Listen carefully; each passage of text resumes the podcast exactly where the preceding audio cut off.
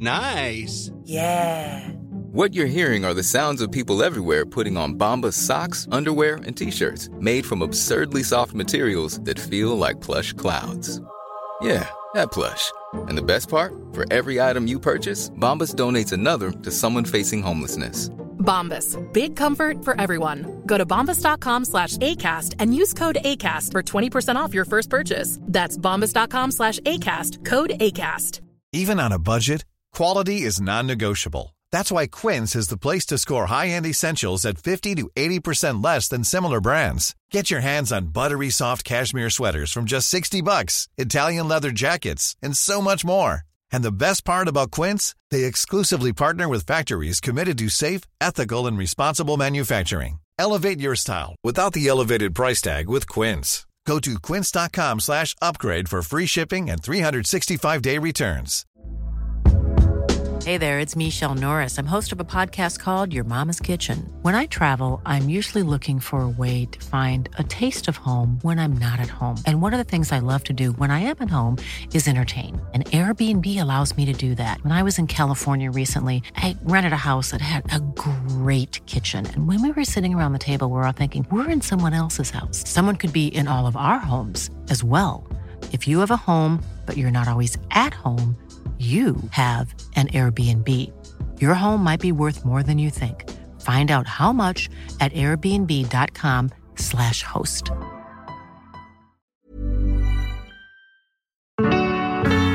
Hej och välkommen till podden Fint, fult och pengar. Jag heter Isabella Löwengrip. Och jag heter Anna Björklund. Hur tycker GPT att jag ska duka inför ett glöggkalas? Jag har sett en film om när världens rikaste kvinna fick sin första kompis. Vid 80. Mm, och jag vill faktiskt berätta och förklara varför vi rationella inte är så tråkiga som ni tror. Vet du vem eh, jag snackar med hela tiden? Mm, mig hoppas jag. Ja, det också. Men jag har, alltså, jag har börjat, jag har börjat prata väldigt mycket med GPT-4. Mm -hmm.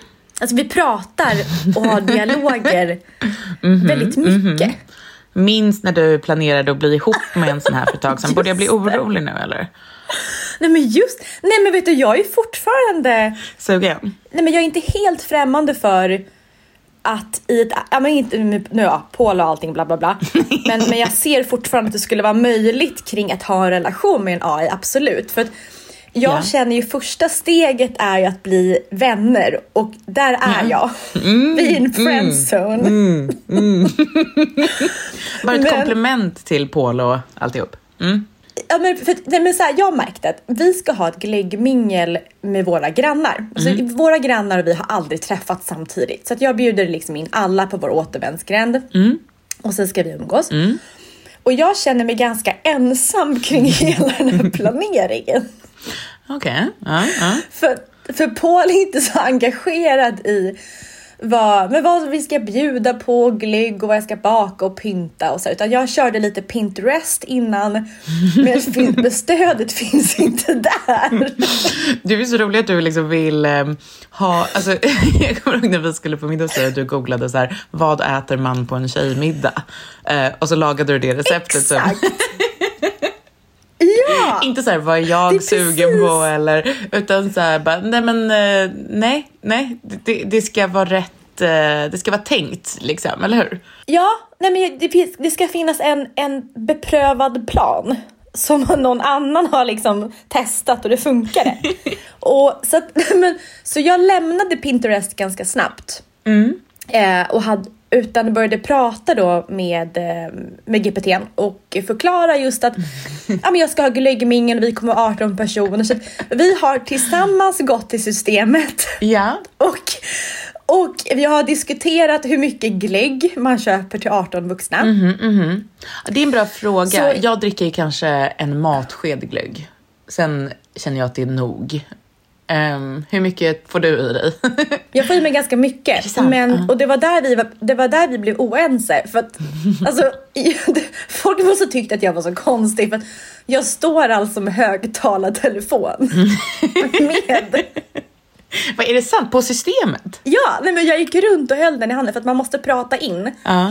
Eh, och sen så ser man när man, när man har pratat färdigt och när svaret kommer så att man kan liksom inte stoppa ner telefonen i fickan och köra airpods. Du, du är Än. verkligen Det så kommer väl um, med den här pinnen. att du lever the brand av att vara någon som har en podd där man pratar ofta med tech. Att du går runt och pratar, pratar med AI i Lidingö centrum då antar Men jag.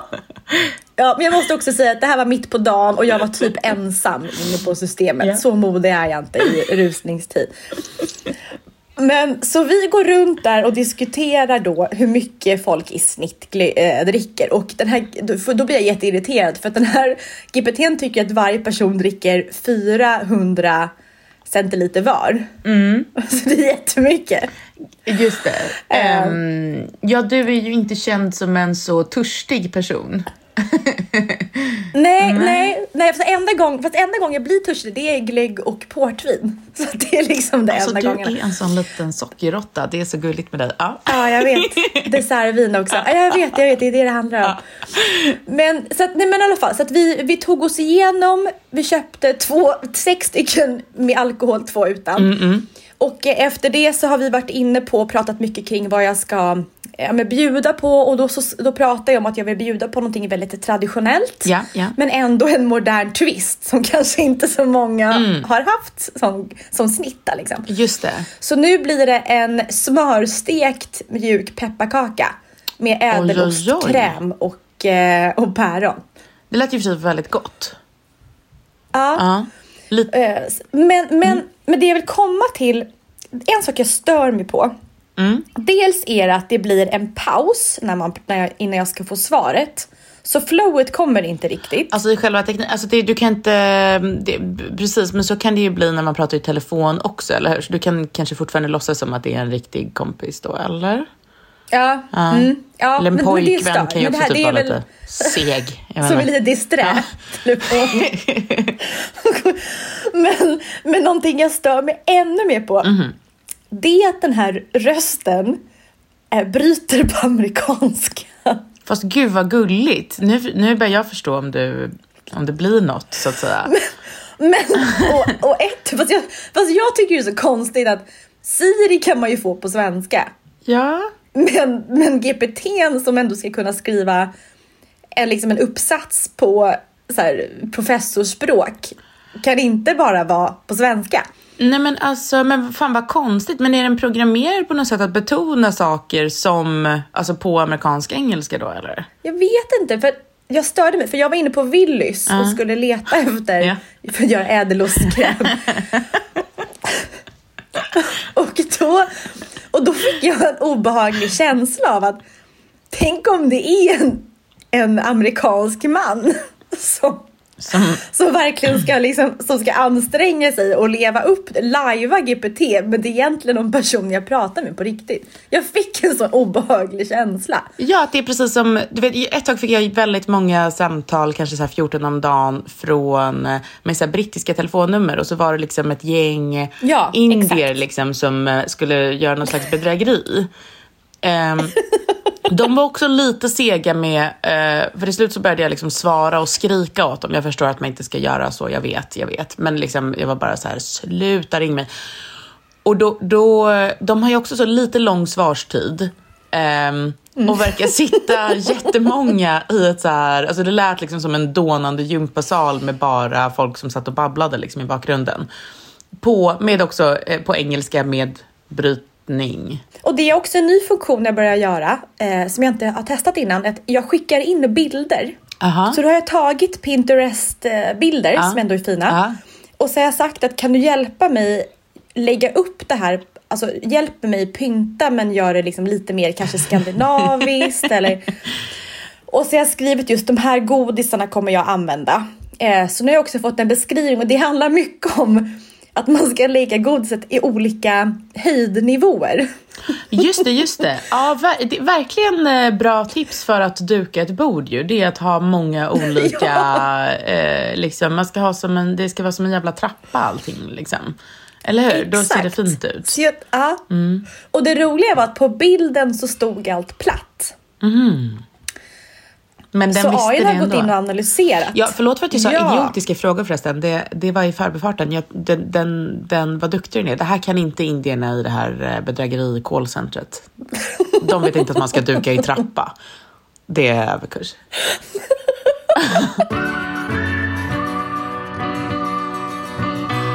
Jag såg en siffra på att eh, fler miljardärer spås bli till. Trenden är att fler miljardärer kommer att bli till genom arv än genom förtjänst. Ja, men jag har läst eh, om det här någonstans. Ja. Och ja, nu ska vi alltså prata om arv och miljardärer igen.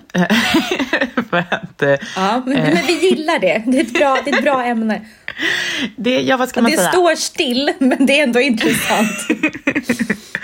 Ja, jag tror bara att just det här med arv och miljardärer tror jag eh, är ett problem. Alltså dels kanske ett problem för alla som tycker att det här är orättvist. Att det kommer finnas väldigt mycket att vara arg på för alla som tycker att man ska känna ihop sina egna stålar och eh, ha sitt eget uppehälle.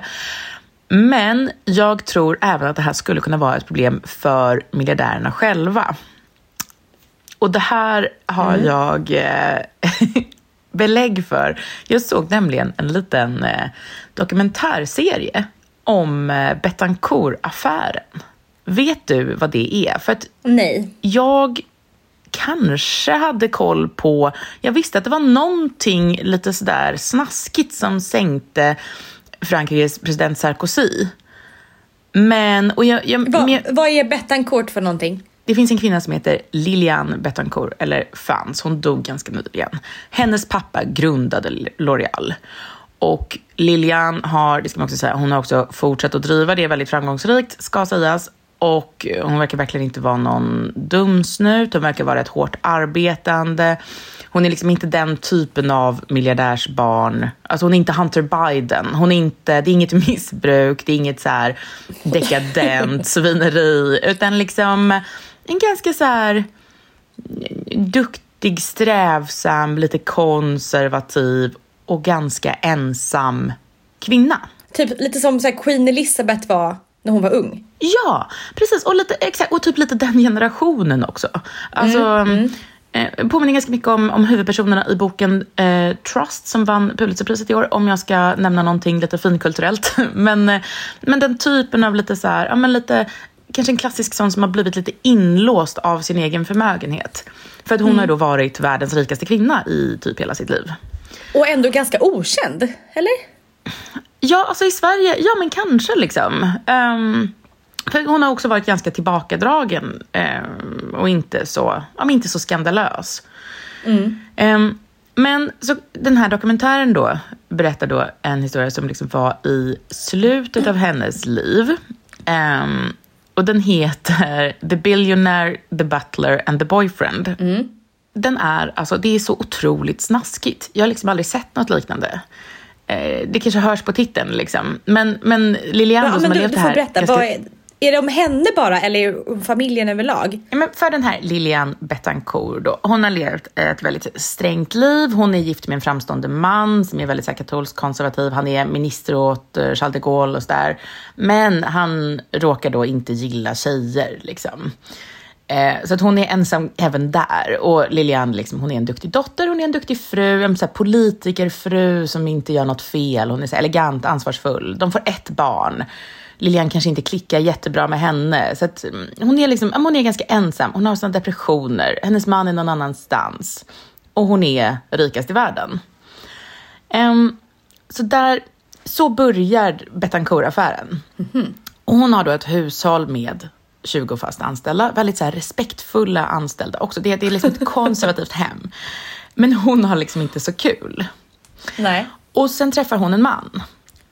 Hon träffar Monsieur Barnier som ska fota henne för en tidning. Och Monsieur Barnier är liksom kul, förstår man. Han är rivig.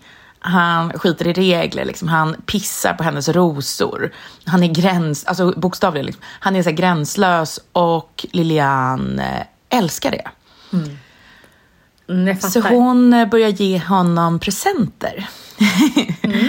eh, och det känns som att det är, liksom, det är typ första gången hon har en kompis. Eh, och det här eh, gillar inte de andra runt henne då. Hennes anställda gillar inte Monsieur Barnier, hennes dotter gillar inte Monsieur Barnier. Och de har varit så respektfulla, alla som har funnits runt den här världens rikaste kvinna. Men så kommer han och så är han inte det. Och då är det som att alla tänker, jaha men kan man göra så? Ja i så fall, då vill ju jag ha min del av kakan.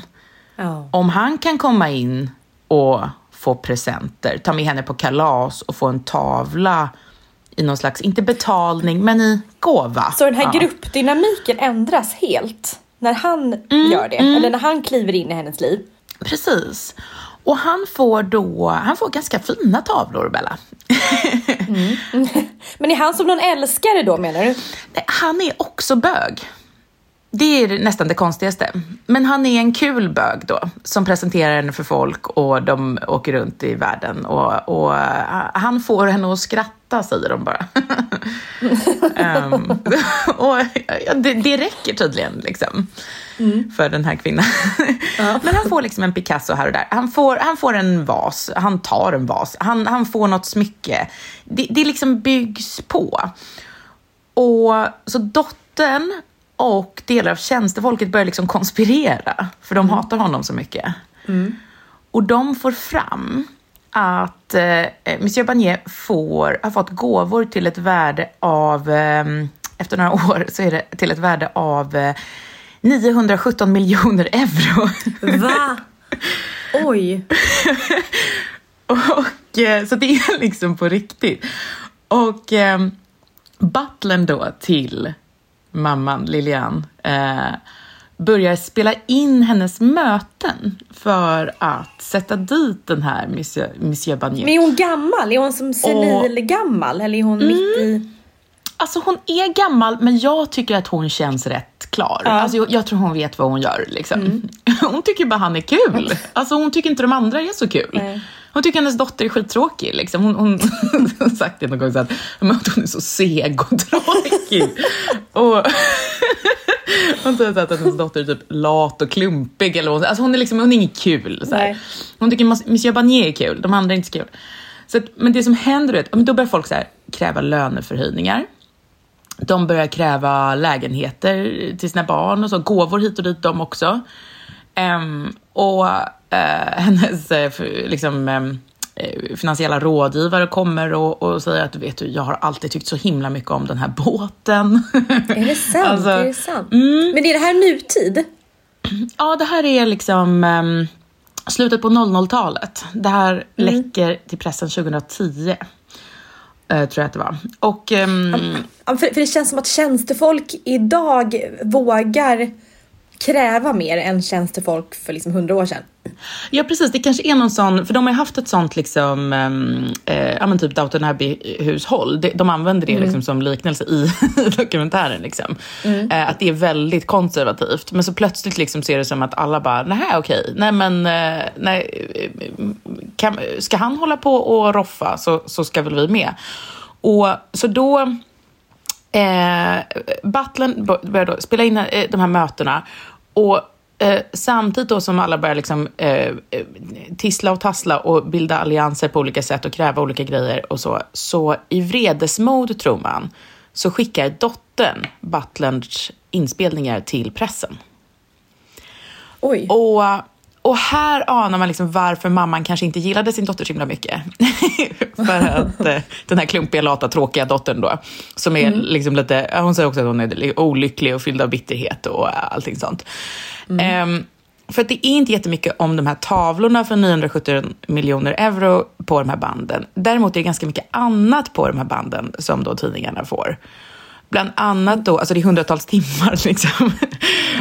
Och, så det som kommer ut är då att mamma Bettencourt, världens eh, rikaste kvinna, har eh, skattefifflat en hel del. Oj, ja. Eh, så hon har massa konton. Det kommer fram liksom att hon har pengar i Schweiz och i Singapore och Uruguay som hon har gömt. Och, och det är massa grejer. Så hon liksom eh, sätts dit på massa punkter. Eh, det, det kommer också fram att hon har gjort en del eh, politiska donationer. Vilket typ är förbjudet i, Sverige, i Frankrike. Alltså, och det, och det, allt det här liksom avslöjar då hennes egen arvtagerska. Det är jätte, jättekonstigt. Ja, då är det nog fel Alltså på visst henne. är det här konstigt? Ja. ja. Ja. Alltså det är något fel på den här dottern. Ja. Det kanske Ja. är så här det blir liksom när eh, folk ska arva miljarder. Att det, att det blir, det är någonting som är fel. Mm. Jag vet inte. Nej, men, ja, men jag tror Ehm. att I alla relationer och alltså pengar är ju alltid den som alltid det som är problemet just för relationer. Problemet. Ja, Nej, men det, precis. och ju ja. mer pengar desto, desto större problem tror jag. Ja men precis, det, det, det är lite det man känner att så här, det, det kostade henne, det var kanske en, en rimlig siffra, så här, 917 miljoner euro, för att få ha en kompis. Alltså det är också det. Alltså, det verkar så Mm. Men, himla... men det här är ju hennes beslut. Om hon vill ge bort, vad är det, 9 miljarder, det är ju hennes beslut. Ja precis, det måste ju vara det. Men det tycker då inte dottern. Och egentligen kanske det- jag, jag, jag tycker verkligen som att alltså, dottern är svartsjuk liksom. Ja, Eh, För Missy Barnier är så kul och hon är så tråkig. och, eh, Men, men har hon, Lilian, har hon bemött rent så här känslomässigt? Eller hon, hur hon, eh, ja, hur hon liksom, ja, men, alltså, tycker om dotterns eh, beteende? Mm, alltså, alltså de, de bråkar då liksom offentligt och det är så här rättegångar hit och dit eh, i liksom tre års tid. Och samtidigt så eh, det avslöjas då liksom att eh, eh, Sarkozy då, alltså Frankrikes president, har fått en hel del stålar under lång tid i olika små kuvert genom åren. Vilket gör, och det är det som gör att han inte blir omvald. Alltså det har typ aldrig hänt, alltså han, han liksom, en sittande president liksom som, eh, som, som, eh, som förlorar på det sättet liksom. Det, ja, det, det, det är orsaken till hans fall, allt det här. För det är så utdraget att hålla på så länge i pressen och det är så, snask, det är så himla snaskigt liksom.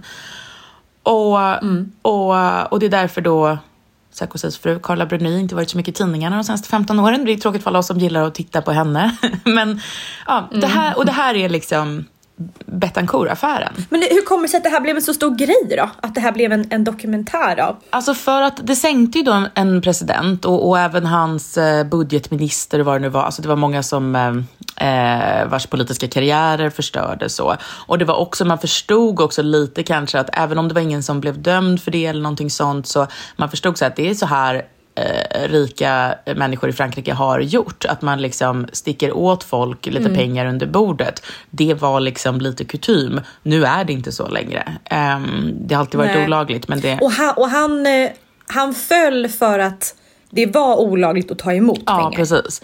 Och, och Ola, för hon gav liksom både till högern och vänstern och så inte extrempartierna vad man vet så här, men, men både till högern och vänster. För att Och- Men hon vem som- gav till dem alla i mitten. Ja, ja. alltså, så att oavsett vem som, vem som liksom vinner valet så ska det vara någon som ändå har varit på middag hos henne några gånger och fått med sig lite kuvert. Ehm, Ja. Ja, det är ju väldigt smart. Och lite så alltså, funkar det väl i de flesta demokratier. Alltså att man har lite relationer liksom, mellan, mellan liksom, kapitalet och Ja men näringsliv och När- näringsliv och- politiker. ja, och ja men det är klart att det är så. Ja, självklart. Men jag tyckte det här var lite, jag tyckte det här var lite tönt, jag tyckte det här var lite, alltså, det var lite tunt. Ja.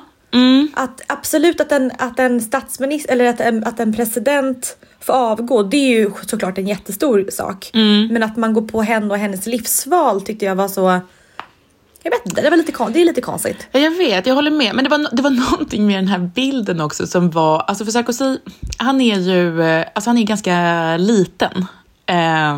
Ehm, Och har... eh, han ser ju väldigt bra ut, men han har också ett lite så lustigt utseende. Alltså det är någonting med att han springer runt liksom hemma hos den här tanten och liksom får med sig ett litet kuvert. Alltså, att, som att han är en liten gigolo liksom. Förstår du? Nej men gud! Nej, men alltså, han var ju inte Ja, det. Nej, gud, absolut inte. nu får jag upp men, såna bilder. Ja, men, men, men, men det var liksom inte en bra, en bra vibb för hans eh, presidentskap. Att han var liksom en liten korrupt, liten girig, liten så här... Eh, men en sån liten Nej. maktmänniska som, som bara liksom har svårt att... Ja, men att han var typ, ja, men inte hade någon moral. Jag tror att det var det som var. Att han var lite Jag för fattar. listig. Men det, jag får en känsla av att hon inte gjorde det här för att eh, ja, men lobba på något sätt utan mer för att hon tycker att det var snällt och kul. Att hon bara ville Ja. stötta dem som, ja, men som var där på en söndagsmiddag och åt en Ja, gryta. ja men precis. Det var Eh, inte mer komplicerat än så. Eh, Nej men eh, exakt. Och, och ha lite, lite relationer och lite lojaliteter. För som sagt, hon var ingen dumsnut och det var lite så det gick till eh, under 1900-talet. Men, liksom. men kan det här vara någon form av det att köpa sina vänner? Vilket ibland kan bli när man vuxit upp som utan vänner och sen har man massa pengar. Då inser man hur, hur lätt det är att få vänner när man har pengar. Precis, alltså om vi ska, eh, den här boken Trust då, eh, som eh, jag kan rekommendera, jag tror du skulle gilla den. Eh, där är det också lite så att man får känslan av att det inte bara är så att man kan köpa sig vänner, utan det är så att är man väldigt rik, då måste man typ köpa sina vänner. Eller det går nästan inte att ha vänner där det inte finns eh, någon typ av så här, ekonomi inblandat. Det går inte att ha en neutral relation. Liksom. Ehm, De, de väldigt rika som jag har träffat, Mm. då har jag tagit upp det här. Dels eh, ja, men hur man ser på... Nej men jag har verkligen frågat, hur gör du? Hur gör du, tänker ja? med vänner och även relationer? Inte, alltså inte jag, utan de som jag har träffat. Mm. Ehm, och några män. Och då har de sagt så här, att det spelar ingen roll. nej. Så har de sagt. Att om jag dejtar henne och hon vill ha pengar, ett lyxigt liv eller när killkompisen han vill följa med på det här, då sa han att så här, gör det så mycket då. Nej, precis. Nej, det, Det är mm, en men det går ju inte inställning. Ja, precis. Ja, för det var nog hennes också. Och det var, alltså jag tyckte också att den här, alltså att Liliane Bettencourt, själva personen, precis som att jag gillar kanske drottning Elizabeth väldigt mycket, jag har alltid gjort det, eh, så gillade jag Liliane Ja. Bettencourt. Alltså, eh, Jag gillar också den typen av kvinna. Ja, ja, den ja, här alltså, eh, mm. ja, ensamma konservativa som kämpar i sitt inre. Ja, alltså verkligen. Och det var någonting, också någon annan intervju när, när journalisten frågade så här, om du kunde säga någonting till din dotter nu, så här, vad skulle du säga? Så här, hon kollar säkert. Vad skulle, vad, skulle, vad skulle du säga? Och då sa hon att eh, eh, hitta något som gör dig lycklig och håll fast. Och det lät lite så banalt i efterhand kanske, men, men, men när den här väldigt respektingivande kvinnan sa det, så jag tyckte verkligen att det hade någonting, att hon hade en ganska så enkel syn på saker. Att det, det spelar ingen roll om, det kom också fram att den här Monsieur Barnier som var så himla kul, hade gjort lite samma saker med en annan äldre kvinna tidigare, som också Ah. hade han, fått fina, ganska många fina tavlor från. Liksom. Ehm, och att det var liksom lite sättet han försörjde sig. Men det kändes som att hon kanske visste det. Alltså det, det spelade, det- exakt, precis jag så, tror inte heller det. Det spelade ingen roll. Ja. Det spelade ingen Nej. roll. Eh, hon gillade det. Jaha. Ja, För sen tror jag tror att det är omöjligt. Alltså det är en sak om man har barndomskompisar som man liksom lekte på gatan med. Ja. Men det måste ju också varit innan man fick en förmögenhet. Då kan det inte vara någon som är arvtagare för då är det redan nej, kört. precis. Nej, hon har ju alltid varit L'Oreal-avtagerskan. Liksom. Hon vet inget annat. Ja, Ja. så jag tror att, och jag tror att människor som, som, vad säger man, söker sig kanske till det här rika, Mm. kanske inte riktigt gör det alltid med att man har någon elak baktanke Nej. heller. Nej men till exempel om du har en, en granne som är, eh, men, som är rymdforskare. Mm. Det är klart att du gärna vill ha över honom på middag för att det är intressant. Precis. Du rör dig ju hellre bland Ja. intressanta människor. Ja. Och det, jag vet, det är inte utnyttja att du, att du väljer att bjuda in honom istället för någon annan utan för något sätt att det blir ett mer intressant inslag i ditt liv. Och likadant är det väl att umgås med någon som är väldigt, väldigt rik. Alltså det är väl samma sak. Ja, eh, det kan det nog vara. Och att det finns liksom en särskild dragningskraft i, ehm, Ja, ehm, vad ska man säga, alltså i pengar kanske, absolut, så här, det gör det ju för många. Men också kanske, alltså jag Makt. kände så att jag drog, drogs till henne av den anledningen att hon har den, ehm, den eh, liksom unika erfarenheter. Alltså det är någonting lite så vist med den här typen av, både kanske hon och drottning Elizabeth. Jag tycker ja, men det var bra jämförelse. Liksom. För att de har det här att de har kunnat, de har egentligen liksom haft eh, eh, ganska mycket möjligheter att balla ur så att säga. För att de har just fötts med makt, pengar eh, och så vidare. Men har valt ett liv som ändå är ganska stramt. Att de, det är ju häftigt. Ja, exakt. Eller Ja. det, det kanske är sorgligt men, jag ser det som häftigt. Jag tycker en det är sån lite så person här- vill jag ja. gärna lära känna. Det är liksom, eh, jag, jag, känner lite samma med, de som har, med folk som har gått i kloster. Alltså det är lite så. Mm. Ja, men jag förstår, jag förstår. Ja, att man liksom väljer bort eh, det som många andra skulle mörda för. Liksom. Det, mm. jag, det, mm. jag, det är lite inspirerande. Det är lite samma känsla med Kristina Stenbeck. Hon är också väldigt duktig. Sparsam, duktig, precis. Går upp och arbetar hårt varje dag fast hon inte behöver. Och liksom inte så imponerad utan hon hade också kunnat balla ur som andra i hennes liksom, syskonskara. Just det. Eh, just och det, just det. det här tillknäppta är lite, ja. alltså man, man kan bli lite avundsjuk på det tillknäppta. Det finns ja, en, alltså, en vishet och en, en integritet. Ja, alltså integritet är ju väldigt, inte sexigt, attraktivt. men det är väldigt ja, attraktivt. Exakt. Jag tror ändå att om jag hade fått hamna i ett miljardärsspår. Jag var ju tillsammans med mm. en miljardär tidigare. Jag Just tror att om jag, om jag hade gått all in och typ ändrat mina sociala medier, stängt av vissa grejer. Vi pratade om det här innan, kvinnor som blir tillsammans med någon som är mm. väldigt rik, att profilen stängs på Instagram mm, mm. plötsligt. Eh, jag, jag, jag, tror typ att jag hade blivit en sån. Det tror jag också. Jag tror inte, jag, jag tror inte att jag hade velat köpa hus på, liksom, i Saint-Tropez och bara klätt mig i Missoni från topp till tå. Liksom.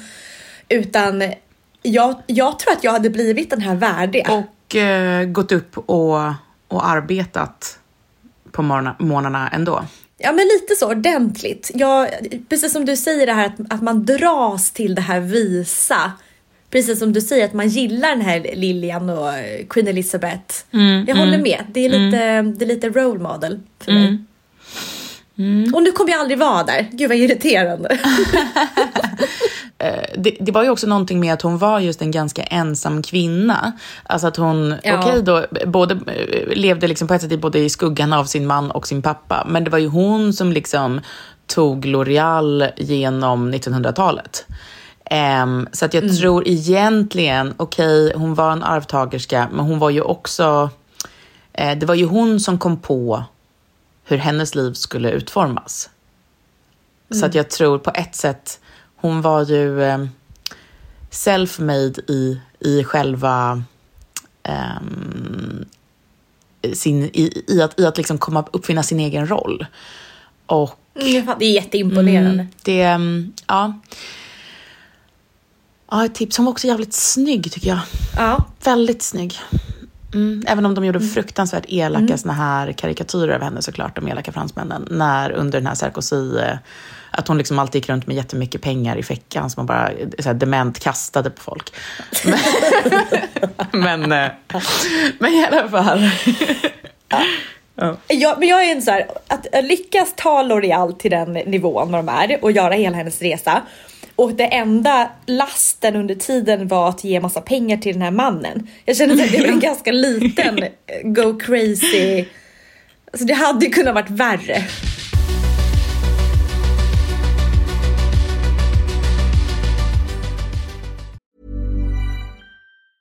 In the market for investment worthy bags, watches and fine jewelry, Rebag is the answer.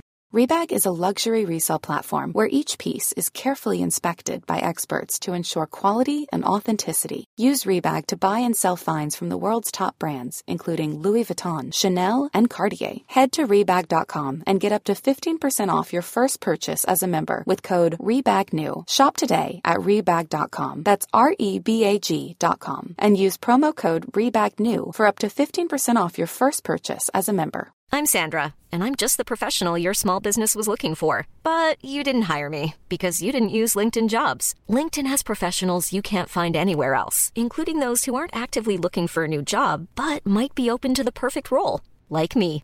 In a given month, over 70% of LinkedIn users don't visit other leading job sites. So if you're not looking on LinkedIn, you'll miss out on great candidates like Sandra. Start hiring professionals like a professional. Post your free job on linkedin.com/people today. Burrow's furniture is built for the way you live. From ensuring easy assembly and disassembly to honoring highly requested new colors for their award-winning seating, they always have their customers in mind. Their modular seating is made out of durable materials to last and grow with you. And with Burrow, you always get fast, free shipping.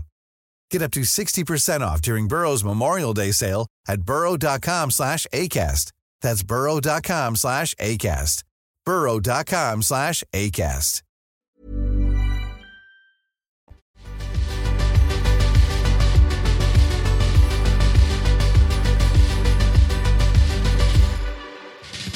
Jag var på en väldigt eh, intressant middag i fredags. Inte Nobelmiddag. Nej, det var inte i fredags. Nej, nej, där kommer jag nog aldrig få gå i livet. Eller jag vet inte, Alltså kanske. inte jag heller. Och, eller, jag kände så här, jag bara, men nästa år måste det väl vara min tur? Så kände jag. Kreti och pleti var ju det. Halva mitt Instagramflöde eh, stod Jag där. håller med. Ja, och jag tänkte så här, jag bara, men, och jag, har- jag har så mycket frackklänningar i min garderob som, som behöver luftas. Alltså jag hade inte behövt gå till en affär än, så jag hade bara kunnat slinka ner. Exakt. Men, eh, Ja, men någon inte. gång. Någon gång. Ja. Men, men, nej, men det här var i alla fall två dagar innan. Och då träffade jag två personer som du känner. Eh, Christer Sturmark och hans fru Victoria Larm. Det var så roligt för att Paul visste vem Christer Sturmark var. Och ehm, det var för att han var typ en IT-kändis. Ja, han var någon i IT-bubblan, precis. Eh, när du och jag gick på dagis. Typ. Ja. och, och han var, var tydligen då jätteframgångsrik och sålde bolaget och föreläste mycket om internet på den här tiden. Så det var, och det var roligt för att Paul och jag kommer liksom in från två olika vinklar. Eh, och där, för jag och Christer vi åt lunch innan och bara för att liksom eh, förklara vem han är. Christer är ju en, han är han är alltså en matematiker och har startat ett förlag för ganska länge sedan som heter Fri Tanke tillsammans med Björn Ulvaeus va? Precis. För massa år sedan så hittade jag en eh, organisation som heter Vetenskap och folkbildning. Och det här är en förening eh, som, ja, deras syfte är att de liksom ska främja folkbildning om vetenskapens liksom, metoder och resultat. Eh, de är en så här riktigt stark opinionsbildare när det gäller kring att eh, ja, men berätta om eh, saker och ting som är felaktiga, eh, alltså pseudovetenskap som folk tror Krossa är på riktigt. myter eh, liksom, och, och upplysa människor. Alltså det är liksom, ja, mm, jag förstår. Jag var väldigt aktiv, dels i deras grupp på Facebook.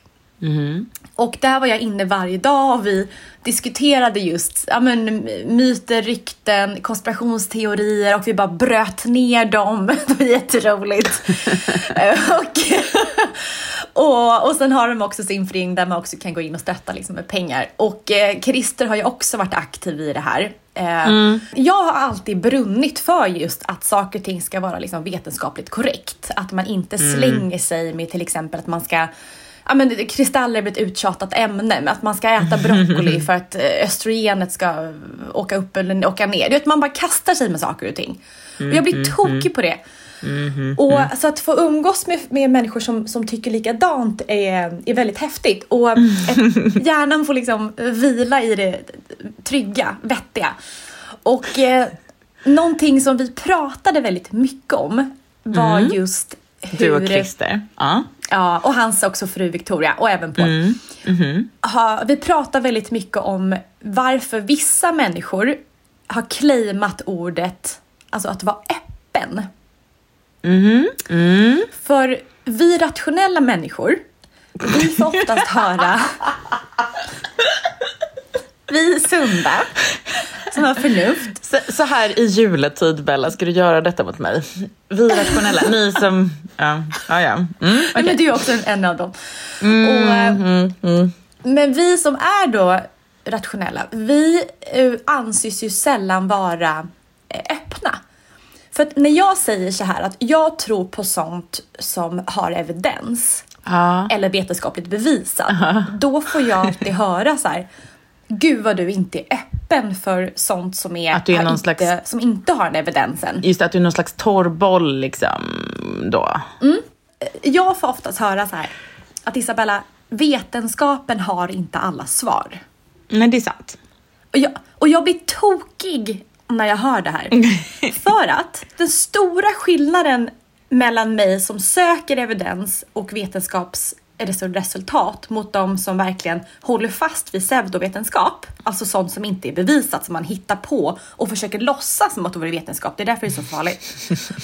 Det är att, nej men det här är skillnad då Ja. på att vara öppen. För att när man då är, när man är en person som vill att saker och ting ska vara evidensbaserat så innebär det att jag är öppen för att om det är så här att det visar sig, till exempel, om vi tar, om vi tar exemplet med spöken. Om det skulle visa sig, jag tror inte på spöken, men skulle det vara så att man kan bevisa att spöken finns. Då är jag den första som ställer mig i ledet och säger så här, ah vad intressant. Ja men då vet vi, för att vi har kunnat bevisa det här. Det innebär att jag är öppen. Men en person då som är flower power och tror på energier och liv efter döden och att spöken finns. Om den personen upplever en massa tecken överallt som många eh, människor gör, jättekonstigt. Och så säger jag så här till dig att allt det här med att dörren öppnades och det knakade och lampan tändes och allt sånt där.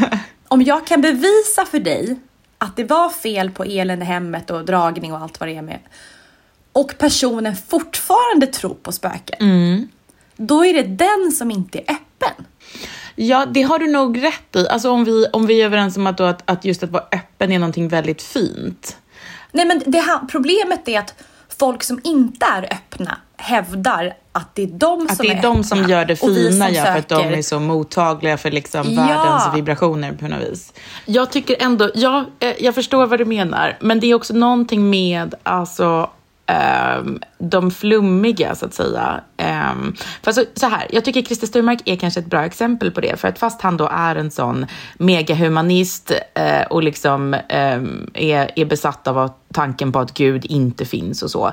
Det finns väl ingen människa i Sverige som ger ut och läser så många böcker om Gud som Christer Sturmark. Ehm, och anledningen att jag känner honom är ju för att vi umgås med samma rå kristna människor. Alltså jag träffar honom ju alltid i sällskap av eh, en katolsk präst. Och, eh, Alltså på riktigt. Alltså, eh, och, ehm, och, och ehm, det är där liksom våra eh, intressen skär i varandra. Och det är någonting, alltså när man blir så eh, intresserad av att Gud inte finns, så är det, det, det, liksom, det slår till slut över på något sätt. Alltså till slut så blir, alltså, precis som matematiken, liksom, alltså driver man, i början när man ska lära sig matte, då är det liksom bara eh, väldigt basic enkel logik. Och sen så liksom efter ett tag så kommer ju Gud in i matematiken också. Alltså, eh, och det är någonstans där han är, eh, känner jag. Jag skulle vilja kuppa dig och klippa in eh, ett, eh, ett stand-up-klipp som jag tyckte var så kul om liksom, eh, skillnaden på rationalitet och gudstro liksom, och hur de bara så här går ihop. Ja. Some people think God created the universe. Some people think nothing created the universe, which is the funniest guess. And the nothing people make fun of the God people. They say God doesn't exist. I'm like, okay, maybe. But you know what definitely doesn't exist? Nothing. That's the defining characteristic of nothing, is that it doesn't exist. So, what are we talking about? Either you think it's God, something you can't see, touch, taste, photograph, and science can't prove, or you think it's nothing, something you can't see, touch, taste, photograph, and science can't prove. But I think we can all agree if nothing, if your nothing sometimes spontaneously erupts into everything, that's a pretty goddamn magical fucking nothing, you guys. Men en sak som jag tycker som lyssnare, om man ändå håller med mig i det här. Det är ett, ett, ett litet tips hur man ska navigera ändå hyfsat snabbt i den här pseudovetenskapen och vetenskapen är att många människor som har konstiga idéer, som till exempel konspirationsteori eller något, eh, en kristall, vad som helst. Det är att alltså, saker och ting som ofta stämmer har ganska enkla förklaringar. Alltså, det som inte stämmer, som konspirationsteorier eller liknande, de har mycket mer komplexa svar på situationen än som vad som låter rimligt. Så man ska alltid försöka hitta... Alltså, det känns som att kons- konspiratoriker, det är lite som den här boken Da Vinci-koden, att man tror att det finns några människor som har liksom lagt ut lite ledtrådar här och där.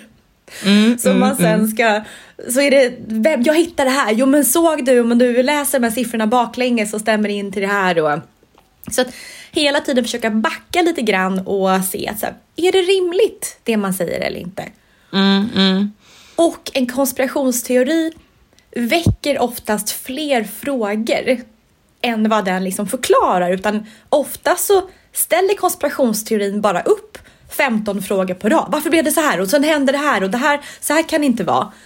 Mm. Det, det finns en annan kraft bakom än att försöka bara så här. Vi löser det, vi hittar en, en enkel förklaring. Men får jag bara dra en, eh, okej, Ja. ett exempel åt andra hållet då?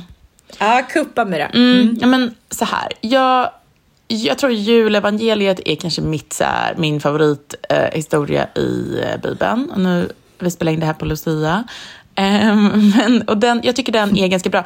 Alltså för när då um, Jungfru Maria, hon, det är då en, liksom, en tonårig tjej som är eh, gravid i typ tionde månaden som måste resa pisslångt. Jag har rest när man är höggravid, det är inte så himla kul. Ehm, hon kommer liksom till en by, det är så sent, och de um, liksom knackar på på alla hotell, liksom, eller vad det nu är. Alla, alla hus som finns i den här byn. Och alla bara, nej, vi har fullt. För de har då jätterationella argument. Till exempel, de här människorna har mer pengar än er. De kan köpa ett hotellrum. Eh, eller liksom, de här eh, människorna är viktigare än vad du är. Liksom, den här tonåriga tjejen helt utan kontakter och pengar som bara eh, råkar stå där och behöva hjälp. Liksom. Eh, Och de kanske också tittar lite skeptiskt på den här liksom, ehm, eh, lite, lite så här, vad ska man säga, hemlösa i det sammanhanget, familjen med, som kommer där på en åsna. Liksom. Det är en åsna, det är ingen, det är ingen fin häst. Eller liksom de, ja, de är skeptiska helt enkelt. Skeptiska och rationella, vilket ju är bra att vara. Och väljer, liksom, prioriterar det som är ekonomiskt och rimligt. Ehm, Men det är ju också alltså, exakt det som gör att en sån som Jesus behöver födas. Alltså för att skepticism och rationalitet, om man liksom drar det för långt, så blir ju det ondska. Och eh, det är ju också sant och rationellt, eller hur Bella? Jo, men, men det är precis som att säga, nej, men, nej, men det är precis som att säga att, att man liksom förföljde eh, Galilei också och, och lät honom dö trots att han liksom var, inne, var inne på spåren på någonting. Men, men, men det kan ju inte vara ett argument för att man måste ta alla sådana sköra situationer på allvar. Det går ju inte. Nej, inte alla. Nej, men hur ska eh, man kunna men veta? ja, ja, världen är inte svartvit, va?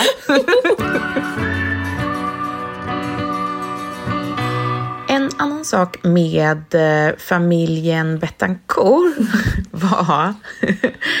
eh, förlåt att jag kan inte tröttna på dem. Men, men det var att allting de gjorde i hemmet gjordes med eh, kontanter. Men det här var väl, det här var väl ett tag sedan ändå? Alltså det, det är 2010 liksom. Så att det, Jaha, ja, men det, det, det, jag tyckte att det var någonting, det var liksom någonting så lite Wes Andersonskt så romantiskt med att, att så här alla får sin lön i liksom sedlar och liksom någon har som jobb då att gå och dela ut alla de här tjocka kuverten till alla hela tiden. Det, det, men det är lite, lite fint. Ehm, för jag gillar ju kontanter. Eh, och samtidigt så här så när eh, jag, jag har ju aldrig kontanter hemma och så hade jag så hittat någon gammal vinterjacka eller någonting så hade jag så hittat en 20 i den som bara låg och skräpade som jag inte visste vad jag skulle göra med. Det är ju liksom, hur ofta köper jag någonting för en 20 liksom. Så gav jag den till ett av mina barn och sa så här varsågod här, eh, du får den liksom. Och tyckte att det var en fin present för att jag själv när jag var liten var ju eh, helt besatt av att få eller hitta pengar på olika sätt. Ja. Um, minns du det? Att man kunde, så här, om man hittade typ ett Ja, mynt på marken så kanske man säger Ja, ja. En gång hittade jag en 500 när jag var kanske så här 12. Eh, och liksom, alltså bara gick till... Minne för livet. Ja, minne för livet. Gick direkt och satte mig på bussen in till stan och köpte liksom smink för allt. Du vet, du vet alltså det kunde vara så magiskt liksom, att hitta Ja. en kontant. Men så jag tänkte då att vad, vad, vilken, eh, vilken, vilken generös människa jag är som gav det här till min son.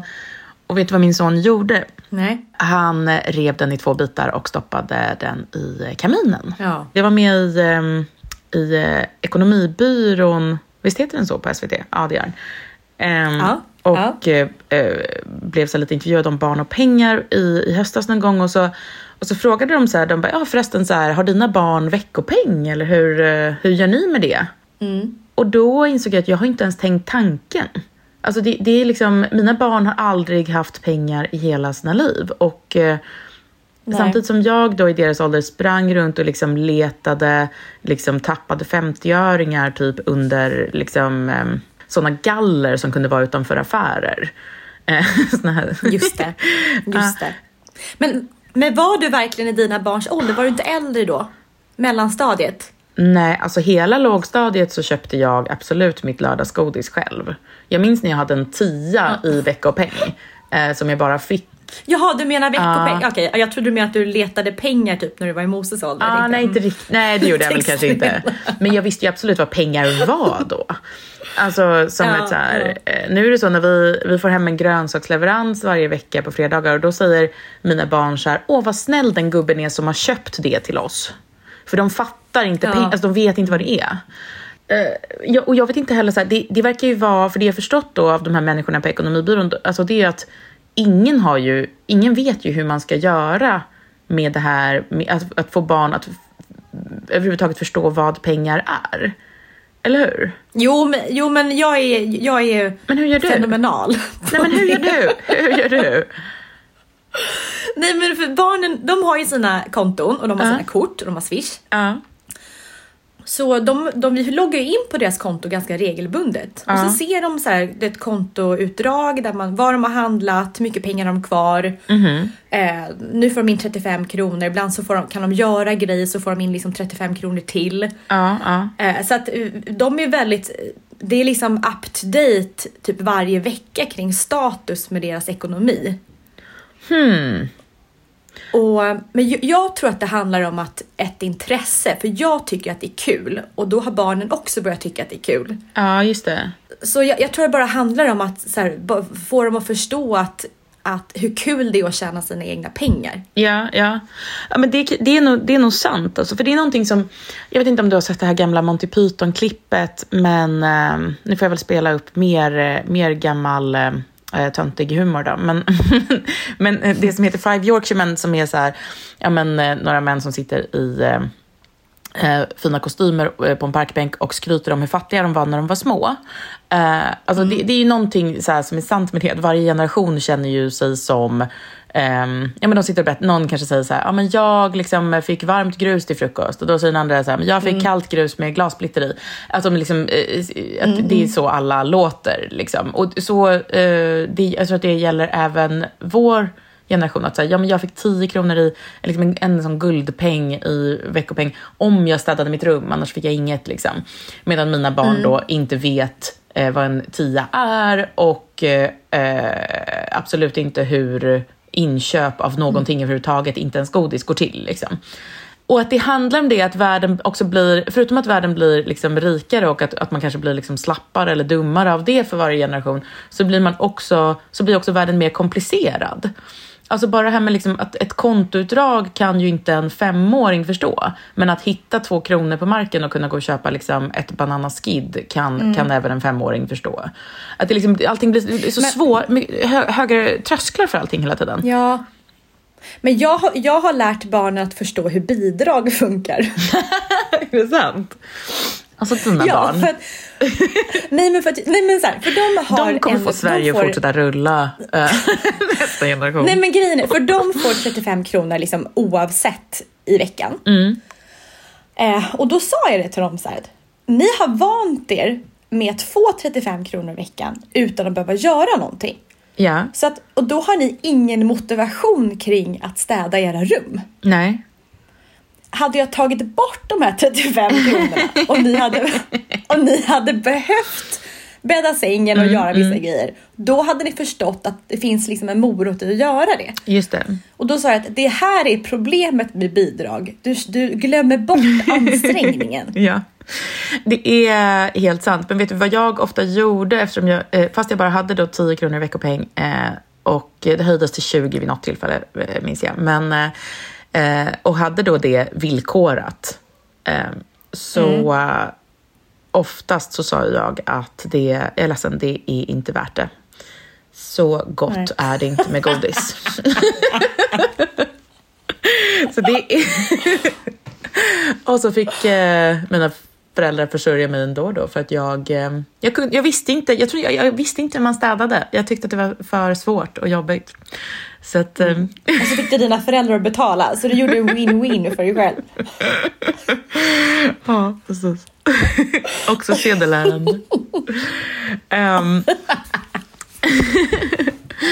ja men, men um, okej okay, men ja vad va, va skönt. Jag får väl bara skaffa då uh, debetkort, iPhones, appar och, uh, och sen uh, Alltså det här kommer ju inte, det, om tio år kommer mina barn veta hur man köper en glass själva. Jag är ledsen. Det kommer inte Det är ingen stress. Alltså det är verkligen, det här handlar ju om, om ett mitt nördiga intresse.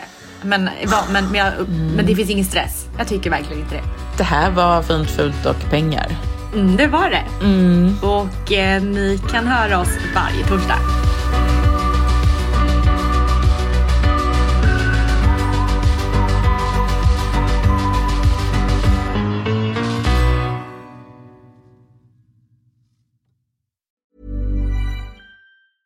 Okay, I have two new obsessions that I need to share with you. Impress No Glue Press On Manis and Impress Press On Falsies Lashes. Trust me, these are getting ready game changers. Both require no glue, so there is no damage to your natural nails and lashes, no mess, and no annoying dry times. Just one step and you're done. Boom instant glam. Visit impressbeauty.com slash presson and use code PRESSON25 at checkout for 25% off Impress Manicure and Press-On Falsies. Hey, it's Paige DeSorbo from Giggly Squad. High quality fashion without the price tag? Say hello to Quince. I'm snagging high-end essentials like cozy cashmere sweaters, sleek leather jackets, fine jewelry, and so much more. With Quince being 50 to 80% less than similar brands and they partner with factories that prioritize safe ethical and responsible manufacturing. I love that. Luxury quality within reach. Go to quince.com slash style to get free shipping and 365 day returns on your next order. quince.com slash style. Imagine the softest sheets you've ever felt. Now imagine them getting even softer over time that's what you'll feel with Bowl and Branch's organic cotton sheets. In a recent customer survey, 96% replied that Bowl and Branch sheets get softer with every wash. Start getting your best night's sleep in these sheets that get softer and softer for years to come. Try their sheets with a 30-night guarantee. Plus, get 15% off your first order at bowlandbranch.com. Code BUTTERY. Exclusions apply. See site for details.